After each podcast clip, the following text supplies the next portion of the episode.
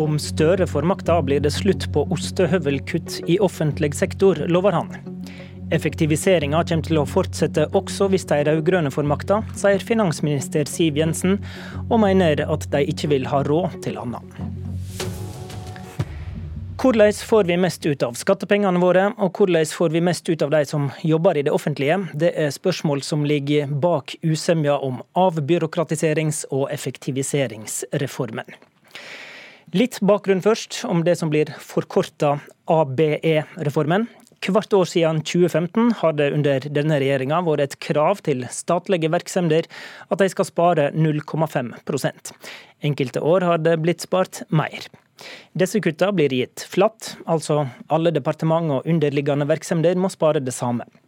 Årlig innsparing sammenlignet med om en ikke skulle hatt denne regelen, er beregna til om lag 1,7 milliarder i år.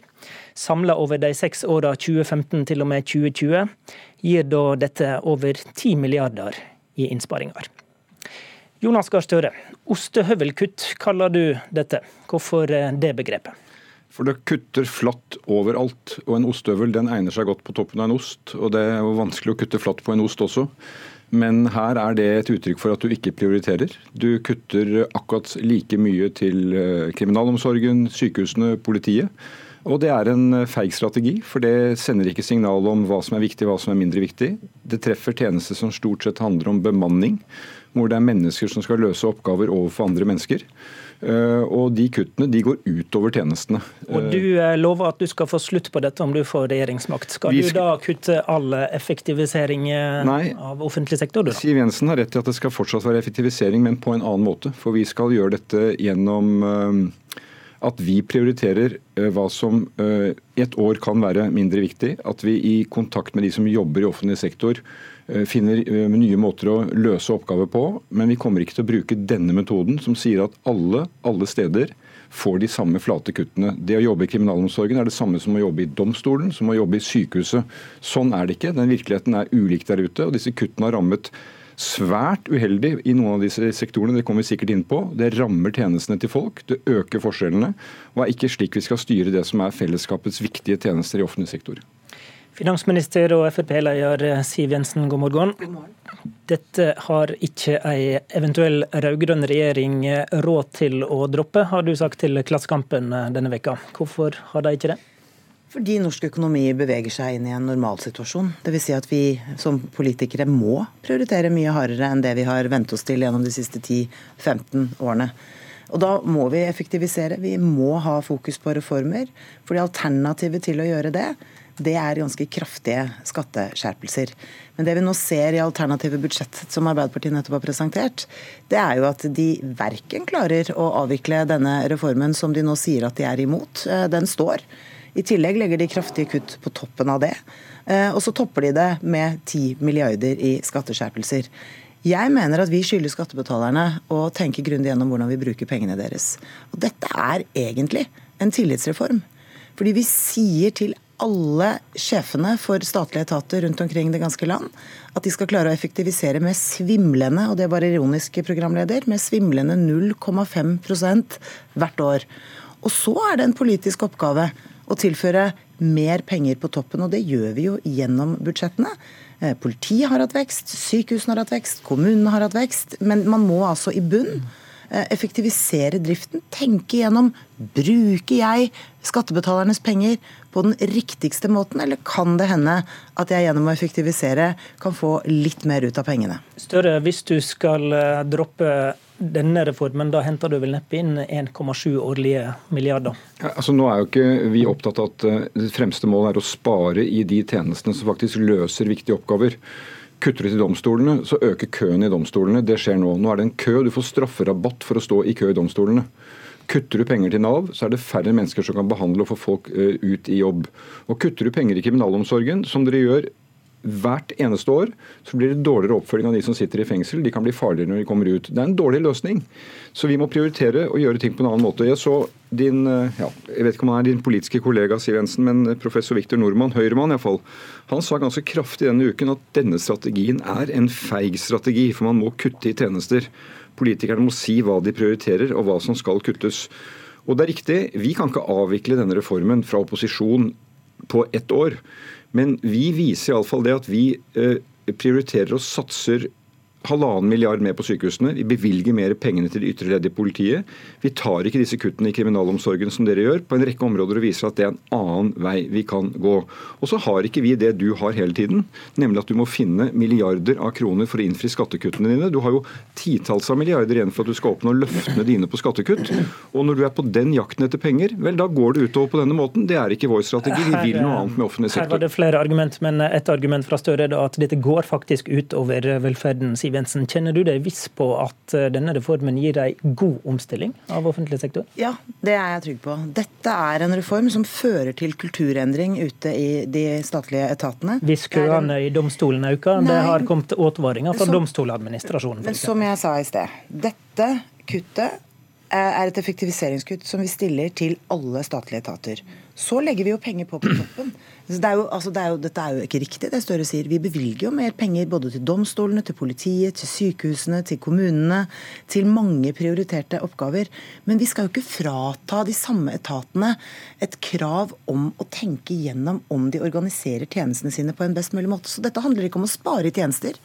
Det handler om å se på om skal vi fortsette å drifte virksomheten vår akkurat sånn som vi alltid har gjort. Men Jensen, mens Jensen noe effektivisering jeg, jeg vil stille et, et oppfølgingsspørsmål først. Jensen, Hvis man gjør den jobben, da, finner fram til en ny eh, og bedre måte å organisere virksomheten sin på, eh, og som kanskje er fornuftig, så får man det samme kravet neste år og neste år igjen. Hva slags insentiv er egentlig det, da? Det er det samme insentivet som enhver privat bedrift stiller til seg selv. Så da må du omorganisere hvert år, da? Eh, programleder, Det er bare det at privat næringsliv stiller mye strengere effektiviseringskrav enn 0,5% Så dette er ikke 5% det er ikke 50% det er 0,5 Og det ligger altså i bunn. På toppen av det så tilfører jo altså regjeringen gjennom statsbudsjettene friske penger til prioriterte formål.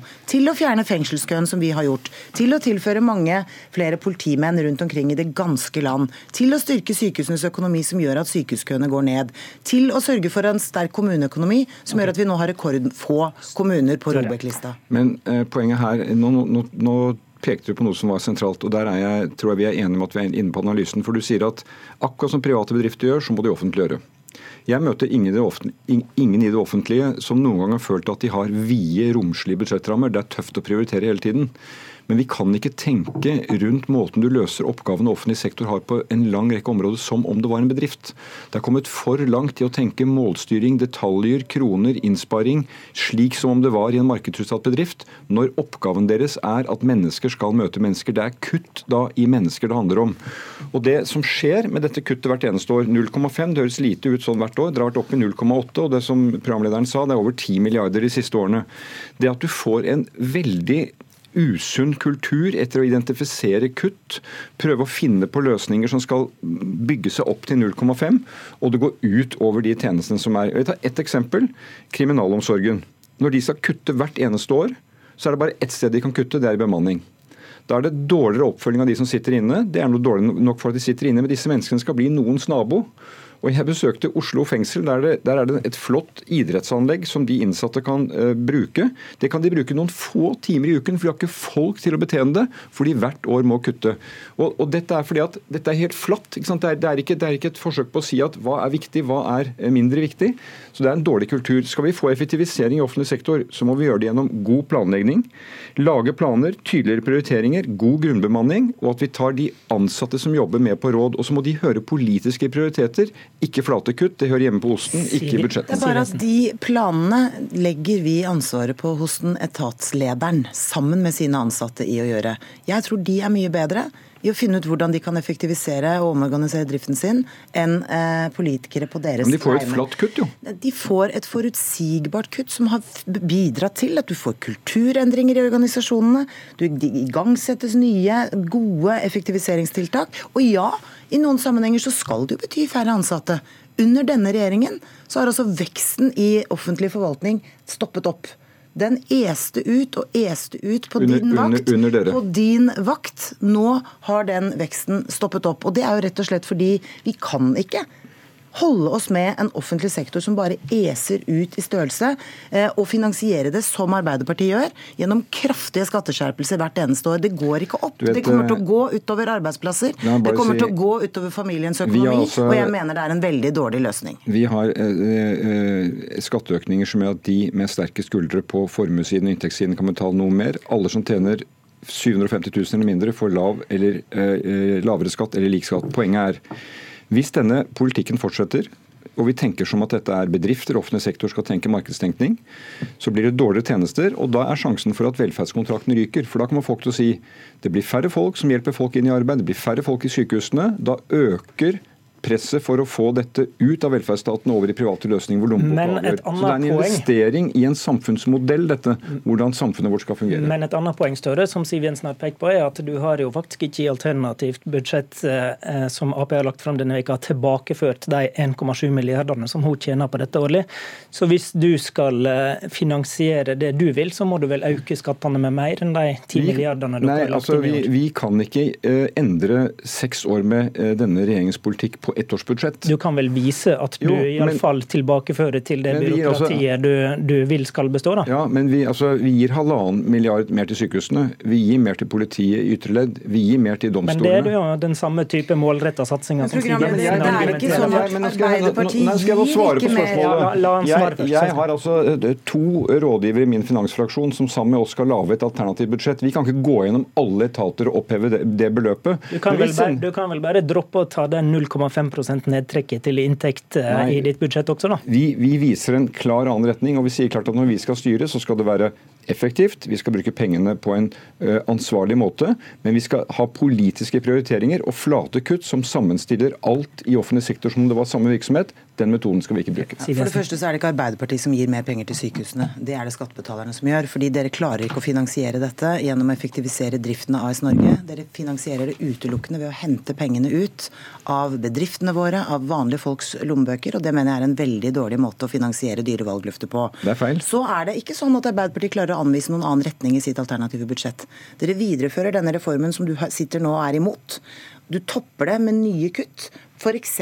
det dere kaller, for, dere kaller for kutt i konsulentbruk, som går direkte inn og rammer den eller eh, investeringene i IKT som gjør at staten blir mer effektiv, eh, og som eh, vil de facto bety at dere helt systematisk skal øke antall ansatte i staten. Så det er ikke noen klar annen retning.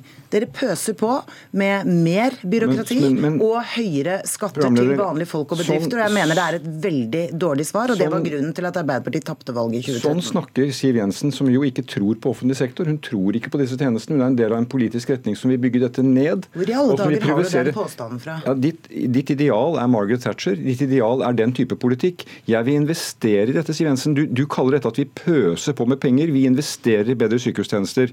Vi investerer i et Nav som kan unngå å gjøre feil, jeg skal ikke ta opp den saken, men som kan hjelpe folk tilbake i jobb. Vi investerer i domstoler som hindrer at det ikke blir voksende kø der som gir innsatte strafferabatt. Det er en annen tilnærming til hvordan samfunnet vårt skal styres. og Det mener jeg er en ærlig åpen konfliktlinje. Men, eh, Siv, Jensen, Siv Jensen, et mindretall på Stortinget har ønsket en skikkelig evaluering av denne reformen. Det har regjeringspartiene avvist. Eh, hvorfor skal vi ikke evaluere effekten av 10 milliarder over seks år? Fordi vi ser at dette gir gode resultater. At det plasserer ansvaret ute hos den enkelte eh, etat. Eh, det er en forutsigbar reform som eh, etatssjefene vet at de skal forholde seg til. Så jeg har lyst til å minne om da, Så du vet at den er vellykka uten evaluering, da? Så har jeg lyst til å minne om at våre naboland har jo tilsvarende ordninger, bare antagelig litt tøffere krav enn det Norge setter til sine statlige etater. Men programleder Støre sier at Arbeiderpartiet i motsetning til regjeringen investerer i bedre sykehustjenester osv. Det gjør denne regjeringen nå. Det er greit, men, men nå spurte jeg, jeg om evalueringa. Vi klarer det gjennom å effektivisere driften av offentlig forvaltning, og uten å skjerpe skattene. Jeg mener at det er et retningsvalg fra Arbeiderpartiet. Vi skjerper skattene for å finansiere valgløftene Sykehusene våre er underfinansierte, de, de trenger mer midler. Men det interessante er jo at de som jobber ute i denne sektoren, protesterer mot dette, og du vil ikke evaluere det. Er man kunnskapsbasert, Vil du evaluere det, eller vil du avvikle hele reformen Nei, vil du avvikle, vil du avvikle dette og gjøre det på en annen måte. Uten evaluering. Ja, ja fordi vi, ser effekten av det. Men vil skulle, skulle man ha fordelen hans? så vi kan i hvert fall se hva resultatene var? Men Du vil ikke gjøre dette på en annen måte. det. I okay. ditt alternative budsjett viderefører du reformen, og du gjør nye kutt på toppen, og så, skjerper du skattene med 10 ingen av dere henter inn kunnskap, men vi har skjønt hvor dere står. I studio, Håvard Grønli.